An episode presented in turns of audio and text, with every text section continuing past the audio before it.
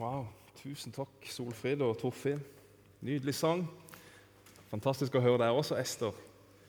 Er utrolig hva vennskap kan føre til, er det ikke det? Vennskap kan føre til utrolig mye flott, og det var sterkt å høre. Um, sist jeg sjekka, så hadde jeg 1353 venner. Uh, I hvert fall sier Facebook det at jeg har eh, så mange venner. Det har aldri vært enklere å få seg en venn, sånn som eh, samfunnet er i dag. Det er bare tastetrykk unna det. vet du. Hvis du er så heldig å bli godtatt som venn. da. Eller kanskje du blir lagt på eh, denne vennelista som heter 'begrenset'. Jeg vet ikke om du kjenner til disse effektene på Facebook, men du kan jo begrense venner. Du kan si 'ja, jeg blir din venn, men jeg vil ikke være en del av livet ditt'. Så da står du som venn, men du slipper å se alt som den legger ut på Facebook. Er ikke det greit? Du står som venn, men du slipper å se. Var ikke det fantastisk? Altså, Du kan justere informasjonsflyten. Hvem har ikke drømt om det på venner eller spesielt på barna? Sånn volumknapp. Slå av, sånn, så er det. Sånn er det faktisk mulig på Facebook. Status som venn, men jeg skrur ned volumet, så jeg slipper å være involvert i livet ditt. Ja, ja. Vi vet jo alle sammen at uh, etter ti år med Facebook i Norge, og kanskje lenger enn det, og med 70% av oss som brukere så handler det kanskje ikke om nære, dype, ikke bare om nære, dype vennskap. Det handler om bekjentskap. ikke sant? Mer om bekjentskap på Facebook. Og Vi har lært oss spillereglene på Facebook og i sosiale medier. Men likevel så mener i hvert fall jeg og med mange andre at Facebook, sosiale medier generelt, har gjort noe med relasjonene våre, på godt og på ondt. Jeg syns det er veldig hyggelig med alle disse bursdagshilsene som kommer på Facebook. Bare, skal vi ta en håndsopprekning? Hvor mange er på Facebook her inne? Opp med en hånd hvis du er på Facebook. Det er langt over 70% Yes, Det er jo så gøy med alle bursdagshilsenene. ikke sant? Å, Da føler du deg sett. og wow, det er så mange, og Vi følger med litt i løpet av dagen hvor mange som har liksom gratulert. og ja, Nå skjønner alle hva jeg gjør, i hvert fall, men det, er veldig stas med bursdagshilsen. Og ikke minst så syns jeg det er gøy å oppdage at uh, uh, denne, denne, personen hadde jeg jo glemt eksisterte. Wow, gikk jeg i klasse med han? Wow, Det, jo, det, det er noe av det beste med Facebook. Å gjenoppdage alle disse glemte vennene. Um, så det er jo fantastisk også. Men prisen på mange av disse skal vi kalle det virtuelle hvis det er lov, relasjoner, er kanskje høyere enn vi tror. For jo mer vi blir avhengige av å være på skjerm, av å være på telefonen, jo mer vi går med noen bøyd, mer festa på en skjerm, jo mer distansert blir vi i relasjonene våre. Gjør vi ikke det? Vi blir til statister, ja, vi blir til tilskuere i andres liv.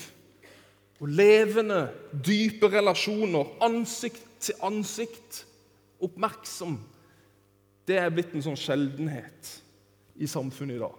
Jeg er ikke sikkert du er enig med meg. Jeg mener i hvert fall at det er blitt en mangelvare, sånn som jeg ser det. Og Jeg vet ikke om du har hørt om den nye folkesykdommen, og det er ikke mitt eget ord. Folkesykdommen ensomhet. Det sies å være som en epidemi som sprer seg i landet vårt. Og jeg, lever, jeg leser stadig vekk om artikler om denne livsfarlige sykdommen. Og den store faren med denne sykdommen er at han lever i det skjulte. Vi ser den gjerne ikke. Den er ikke lett å oppdage. Og selv folk med mange Facebook-venner kan være ensomme. Ja. Denne uka, bare siste uke så har det vært to artikler på nrk.no. Jeg vet ikke om du leser der inne. Jeg syns det er fint å lese der. Og Der står unge mennesker fram og gir ensomheten et ansikt. De du ikke hadde tenkt var ensomme, står fram der. Sånn som f.eks.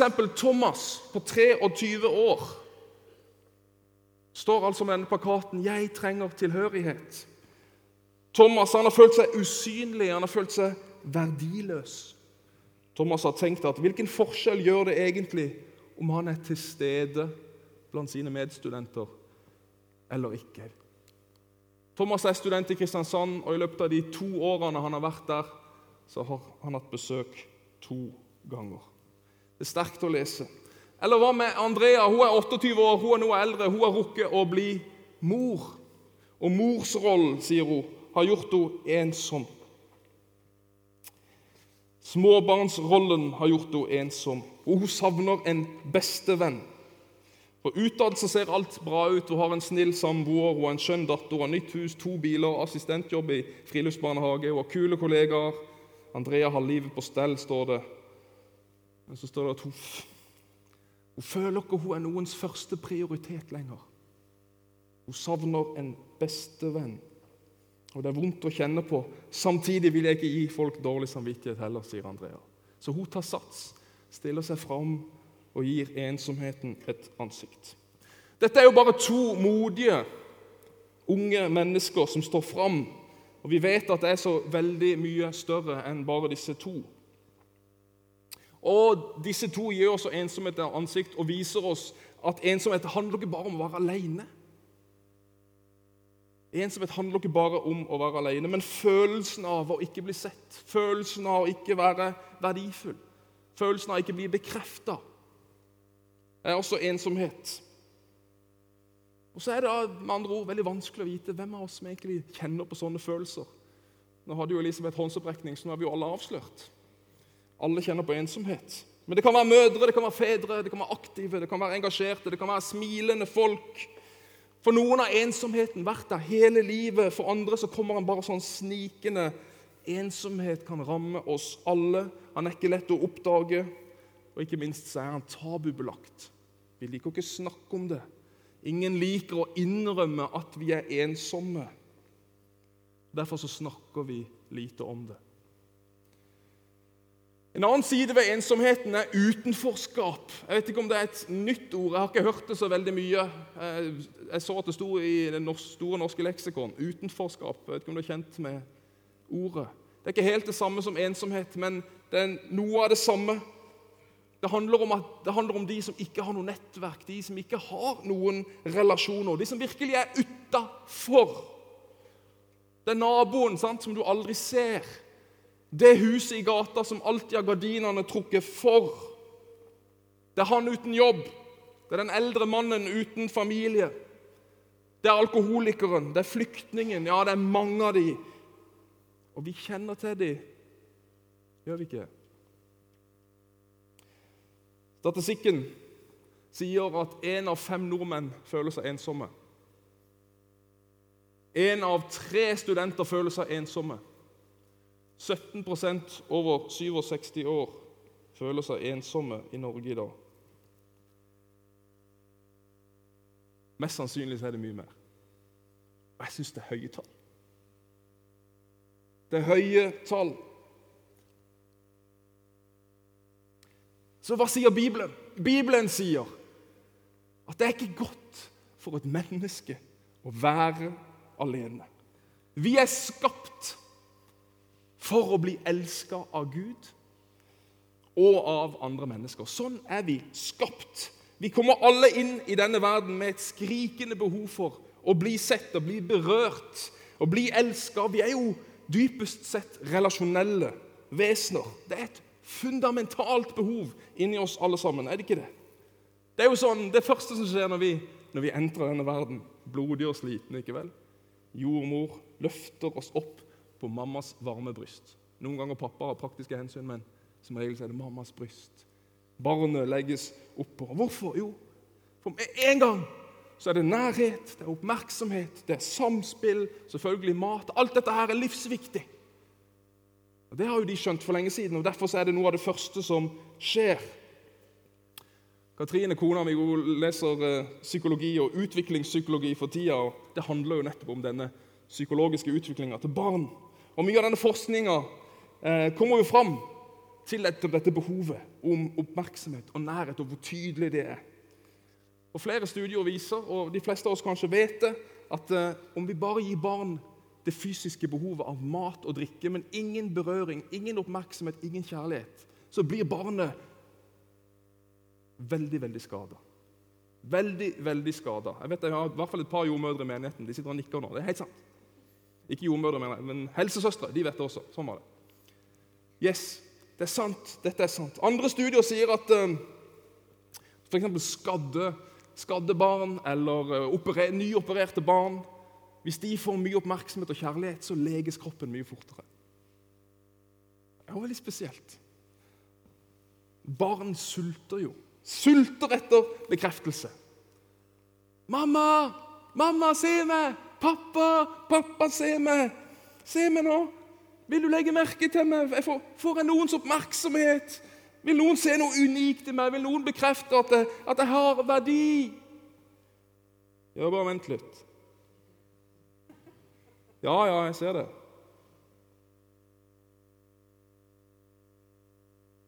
Jeg har hørt at jordmødre fortviler over nybakte mødre som er mer opptatt av å legge dette på Facebook enn å gi sitt ammende barn oppmerksomhet. De er helt fortvila. Du er kanskje glad ikke du hadde Facebook når du hadde en liten. Om ikke dette fundamentale behovet for oppmerksomhet og det å bli møtt som spedbarn, så kan det føre til store problemer i voksen alder. En kjent kvinne sa en gang å ikke være elsket, ikke være ønsket og ikke bli tatt vare på. Å være glemt av alle er en mye større nød, ja, mye større fattigdom, enn det å ikke ha noe å spise.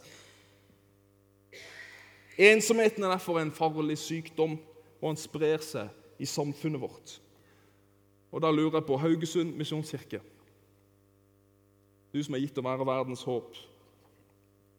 Wow, ja, fordi Kristus er i oss om samfunnet er prega av ensomhet, hvordan svarer vi på det problemet? Hva gjør vi med det? Jeg snakka for 14 dager siden om eh, adgang for uvedkommende, om denne grenseløse invitasjonen inn i Guds rike, og hvordan Jesus inviterer alle, spesielt de som er utafor adgangen inn til Han. Og På samme måte i dette så er Jesus også et forbilde. For var det ikke nettopp de usynlige, de samfunnet ikke ville se, de som ble overflødige? Var det ikke nettopp de Jesus så og brukte mest tid sammen med? De syke, de utstøtte, de lamme, de blinde, synderne. ja? Var det ikke de Jesus så? Jo, jeg tenker på blinde Bartimeus, historien fra Markus 10. Jesus er på vei ut av byen, og han har en svær folkemengde rundt seg. Og Jesus er i sentrum av oppmerksomheten. Og alle de som følger han, de er opptatt vet du, av han, og kanskje det er statusen, eller hva det er. liksom. De er, de er alle oppe med telefonene sine. Bilde med Jesus der, og de sjekker inn. Jericho, yes. ok, Henger ut med profeten. Uh.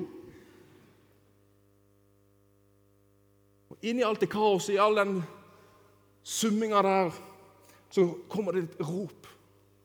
Jesus, du Davids sønn, ha barmhjertighet med meg.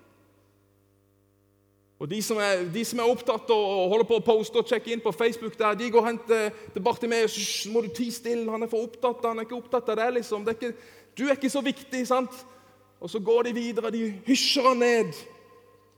Men han fortsetter bare enda høyere. 'Jesus, du Davids sønn, ha barmhjertighet med meg!' Ja, denne støyen òg, i ropet rundt Jesus så stopper Jesus plutselig opp. Han går ikke forbi. Han går ikke heller bort til mannen som sitter der i støvet. Nei, han befaler de som bar han tie, om at, ta, om at de skal ta han fram. Så de stiller han fram til Jesus, og Jesus demonstrerer hvordan vi skal se mennesker. Jesus demonstrerer for alle de som sa nei, du er ikke så viktig. Jo, bring han fram til meg. Og han gir denne blinde mannen, den usynlige mannen, den som ingen, ingen så på han som verdifull. Jesus stanser hele dette toget for han, og så spør han han, hva vil du jeg skal gjøre for deg? Demonstrerer ikke Jesus hvordan vi skal være som kristne? Spørsmålet er om vi er svaret på menneskers usynlighet. Følger vi Jesus i det? Lever vi annerledes? Gjør vi noe med ensomheten? Han var på Jesus sin agenda hele tiden. Er han på vår agenda? Vi snakka om ensomhet rundt kjøkkenbordet i helga med barna. Så spør jeg min minste, da, Hanna på åtte, vet du hva ensomhet er? Ja Forklarer med sine ord hva det er. Så sier jeg ja. Så viste jeg jo bildene fra NRK, og så kommer det Åh. Er det sånn hos oss også? Åh. Gjør det egentlig vondt? For Menigheter sånn som dette kan så bli, bli fort sånn som det er akkurat nå. Bare et nakkefellesskap. Vi ser hverandre i nakken, og så går vi ut igjen. Men er det det Jesus kaller oss til som menighet? Vi ønsker jo å bringe evangeliet, de gode nyheter, ut i samfunnet. Og steg én burde jo være Har du hørt 'belong, believe, behave'? Sånn tre stikkord til hvordan vi skal leve som kristne. Belong, gi folk tilhørighet. Se mennesker. Det må jo være basic. Nå snakker jeg til menigheten her. Det må jo være basic. Å bare kunne se dem. Du trenger å gå ut der og forkynne evangeliet og be for syke og alt det du syns er så vanskelig. Men kan vi ikke bare begynne med å se mennesker, i det minste? Og gi dem tilhørighet, som Thomas sto og lengta etter. Mennesket er ikke skapt for å være alene. Vi er skapt i den treenige Guds bilde. Den treenige Guds bilde. Derfor er vi skapt for relasjoner. Og Derfor er det jo sånn at den beste medisinen vi kan tilby ensomheten og denne epidemien, jo, det er jo vennskap. er det ikke det? It's the remedy. Det er oppskriften. Det er jo det som kan svare på problemet. Det er vennskap. Jeg mener, Vi burde jo stå på barrikadene for dette her for å bryte med ensomhet og utenforskap. Vi burde kjempe for det samfunnet er i ferd med å miste. Nære, dype relasjoner. Fremelske, levende, inkluderende fellesskap. Ja, burde vi ikke vi, i det minste, i det minste ha som mål at ingen i menigheten skulle føle seg ensom? Burde ikke det være det minste målet vårt, i hvert fall? Hva om du som smågruppe nå nevnte vi smågruppe, hva om dere som smågruppe satt på agendaen? Kan vi gjøre noe med ensomhet i menigheten? Eller for de rundt?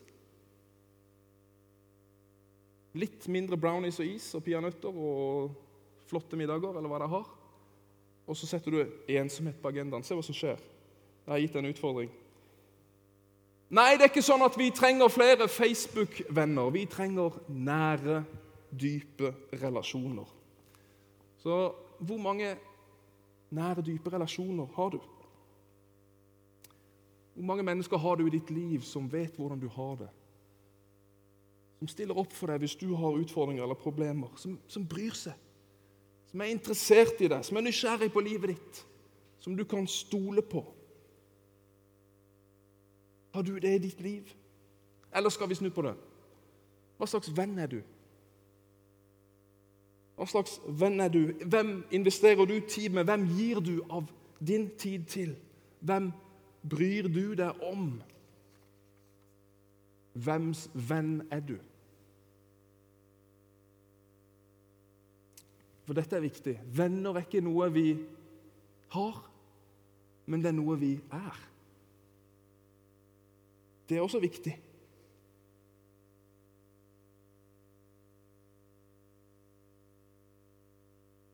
Vi har et ansvar sjøl om å strekke ut en hånd. Og Det gjorde jo nettopp disse på NRK, Thomas og Andrea. Disse, det hører med til historien at De prøvde å gjøre noe med det, komme seg ut av ensomheten. Det er også viktig. Som mange av dere vet, så er jeg leder for en organisasjon som tar mannfolk ut på tur for å finne ut av hva livet virkelig handler om. Tørke støv av de, de, gode verdier og hjelpe hverandre til å reise oss som mannfolk. Det er Manndomsprøven, kaller vi den turen. Og Et av temaene på den turen er vennskap. Fordi mange menn er ensomme. De våger ikke å åpne opp. Og Så er det en tematikk på den turen. Og Min første tur det var på en sånn nederlandsk tur med engelsk oversettelse. Og ja, Vi kom til dette temaet, og da slo det meg Oi, oi, oi. Uff, ja, Da kjente jeg virkelig på ensomheten. For den, jeg har, Da tenkte jeg en gang på en av mine beste venner som har vært der gjennom hele livet. Men så slo det meg jeg har jo nesten ikke prioritert han de siste årene. Ja, det har vært barn, det har vært jobb, det har vært tjeneste, det har vært så mange ting. Tiden er knapp. Og så har jeg, jeg vet at det er mange telefoner jeg ikke har fått besvart når han har ringt. og det er liksom, å, Jeg kjente bare Jeg trenger min venn! Livet blir så fattig uten min venn og det vennskapet vi har hatt så lenge. så Det første jeg gjorde da jeg kom hjem, det var å prøve å booke et møte med han. for det er jo sånn i dag. Skal du treffe vennene dine, så må du booke dem. Så sånn seks uker seinere, når han hadde tid, så, så fikk vi et treff. Og Da følte jeg meg så liten og så teit og så klein. og vet, Det var bare liksom Ja, hva var det du tenkte på? Så sier du Jeg trenger deg, Kjetil. Jeg, jeg trenger å ha deg som en venn i mitt liv. Jeg beklager hvis du har følt deg nedprioritert. At jeg ikke har fått stilt opp på det du har bedt om, eller vice versa. Men jeg trenger det. Jeg trenger, at, jeg trenger noen å stole på. Jeg trenger noen som kan bære mine byrder. Jeg trenger noen som kan be for meg, kan stå opp for meg, skal kjempe, trøste meg, osv. La det ikke fram så kult og tøft. Jeg var ydmykt og litt sånn klønete og med beinet litt vridd inn der. Så. Han tok imot meg med nåde. Og vi er gode venner i dag. Men jeg kjenner når jeg står her også, hvor fort det kan gli ut igjen. Jeg har aldri trodd at jeg skulle forkynne over en tekst. Jeg skal ikke begynne å utlegge en tekst, slapp av, vi, er, vi, er, vi nærmer oss slutten. Men jeg hadde aldri trodd at jeg skulle sitere apokryfe skrifter i, uh, i en gudstjeneste hos oss. Apokryfe skrifter er jo de ja, Uinspirerte kalte jo Luther de, at de ikke er på en måte inspirert av Gud, men det er til, til visdom eh, og til oppbygning for oss. Eh, de, er i den katolske Bibelen og den ortodokse, men ikke kristen bibel. Uansett, Vi har masse å lære av disse skriftene. Kanskje har du lest dem. Men der står det i Siraks bok, og det var så fint En trofast venn er et trygt vern. Finner du ham, har du funnet en skatt. En trofast venn kan ikke betales. Han er verdt hans verd kan ikke veies på vekt. En trofast venn er som en livgivende drikk. Du finner ham om du frykter Herren. Den som frykter Herren, velger sine venner med omhu, for han behandler sine venner som seg selv. Det er fint. Heng det opp på veggen. Er du en god venn for noen? Har du en god venn? Jeg kjenner på hvem er det jeg står opp for? Hvem er det jeg kjemper for? Hvem er det som trenger min oppmuntring og kjærlighet? Hvem andre enn min familie og mine barn trenger min trofasthet? Ditt og mitt vennskap kan være med å gi liv. Og Jeg hører Jesu ord i dette. Du skal elske de neste som deg selv. Det syns jeg å høre. I Det gamle testamentet så står det om David og Jonathan. David han var forhatt. Han var ensom. Han var på flukt fra kong Saul. Saul han var kongen som, var svik, som hadde svikta Gud, så Gud hadde forkasta han. Og denne gjetergutten David så Det er han som blir salva til konge av profeten. Mange av dere kjenner historien. Men så går det mange år før dette blir en realitet, før David sitter på tronen, så går det mange år. Og han må leve ja, i lang tid i utenforskap, selv om han var salva som konge. Hva gjør Gud da? Ja, bombarderer han Saul og raser han ned hele dette slottet? Nei. Han sender David en venn i nøden. Jonathan. Han er ikke hvem som helst, for Jonathan han er jo Saul sin sønn. Han er jo kongens sønn, han er tronarvingen, han er prinsen. Han blir Davids venn. Så Sauls ondskap blir svart med Jonathans troskap. Jonathan hadde jo all grunn til å være sint og misunnelig på alt dette som hadde skjedd, akkurat sånn som sin far. Han var tronarvingen, han var prinsen, men han møter David med raushet. Det står at Gud knytter deres hjerter. Han vever deres hjerter sammen. Og Så inngår de en pakt. Står i 1. Samuels bok 18. Jonathan sluttet en pakt med David fordi han hadde fått ham som kjær, som sitt eget liv. Han tok av seg kappen han hadde på, og ga den til David, sammen med stridsklærne og sverdet, buen og beltet. Og Det som skjer der, er veldig spesielt. Det er litt sånn typisk Bibel. Det står tre-fire-fem vers, og så er det smekkfullt av innhold. Men Jonathan han bytter ut Davids enkle gjeterklær med sin kongelige Så gir han David sitt eget sverd. Det var ikke mange sverd i Israel i den tida. det skal jeg love deg. Ifølge Bibelen står at det var to. Og Det var Jonathan og Saul sitt. Han gir han David. David får hans sverd. I overført betydning så blir David krona av tronarvingen sjøl der. Tronarvingen gir bort sin egen status. Jonathan gir vekk sin egen status. Og ikke bare det, Han beskytter også David ved å gi han sine egne stridsklær. Og så vet vi at Når vi leser gjennom historien, så støtter han hele tiden David fra å bli tatt av faren Saul og hans ondsinnede jakt. Så Jonathan, Jonathan gir David han gir han et løfte, han gir han klær, og han gir han beskyttelse. Ordspråkene 18 sier Ja, Nå var vi over på sangteksten. så det, Dere, det står i Ordspråkene 18 det finnes venner som skader hverandre, men en sann venn er mer trofast enn en bror. Og David fikk en sånn venn. Tenk å ha en sånn venn. En sjelevenn som beskytter deg. Som ikke bare søker sine egne interesser eller behov. Som bare ønsker at du skal være lykkelig. En alliert. En alliert som vil bare at du skal være deg sjøl. En som du alltid er trygg sammen med. Du trenger ikke veie ordene opp og ned. Han vil alltid tolke det liksom etter, det etter det beste. Han vil alltid få fram det beste i det. En sånn venn fikk David. Skulle ikke du ønske at du hadde en så god venn? Om du er ensom eller ikke ensom, skulle du ikke ønske at du hadde en sånn venn? Og da har jeg lyst til å avslutte med å si at du kan få en sånn venn. Du kan få en sånn venn. David han fant en venn i Israels prins. Du kan finne en venn i kongen, Jesus. Han inngår en pakt med de som vil ta imot ham. Og det er sant. En av de siste ordene Jesus sa, var at Se, jeg er med dere alle dager inntil verdens ende. Og ikke bare det, men han gir også nye klær, faktisk. Ja vel? Ja, i åpenbaringsboken så står det hvite klær du kan kle deg med, som skjuler din nakne skam. Han går faktisk mye lenger enn Jonathan her. For han tar ikke bare av deg dine fillete klær, men det står i 2. Korinterbrev Han som ikke visste av synd, har han gjort til synd for oss, for at vi i ham skulle få Guds rettferdighet.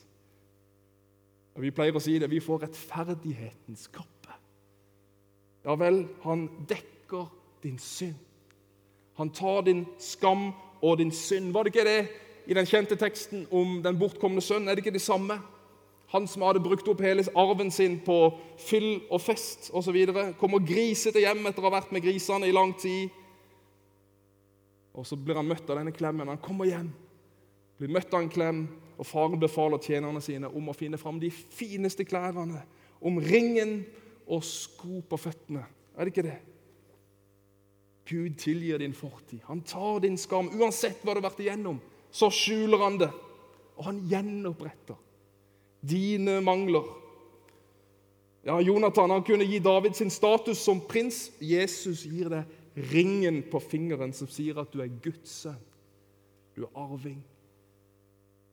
Du har tilhørighet hos han. Han sier 'alt mitt er ditt'. Ja vel, Jesus kler deg opp. Og som Jonathan utrusta David, så utruster han hver den som vil ta imot han også. I Efesene 6 så står det at du kan ta på deg Guds fulle rustning og stå imot djevelens onde planer og strategier. Og Akkurat som Jonathan beskytter David, så beskytter Jesus deg. Det står i Johannes 10.: Jeg gir deg evig liv. Du skal aldri i evighet gå tapt. Ingen skal rive deg ut av min hånd. Snakk om beskyttelse. Så lengter du etter nære venner, så har du først og fremst en venn i Jesus. Jeg hadde lyst til å ende der. Og bli bekrefta og elska av Han. Han gir oss en verdi som ingen mennesker kan gi oss eller ta fra oss. Det er det viktigste. Fordi vi som mennesker vi kan svikte, vi har våre begrensninger, vi klarer ikke å følge opp. Men Jesus svikter aldri. Derfor er det beste og det dypeste vennskapet du noen gang kan få, det med Han. Og han har allerede strekt ut en hånd til deg. Og så er spørsmålet om du har tatt imot den, som Ester nettopp har gjort. Men likevel, altså Vi er skapt for det doble kjærlighetsbudet. Det er ikke bare å elske Han, men det er hverandre. Er vi venner av Jesus, så følger vi hans bud, sier han. Vi skal elske vår neste og se de usynlige og bryte ensomheten. Amen.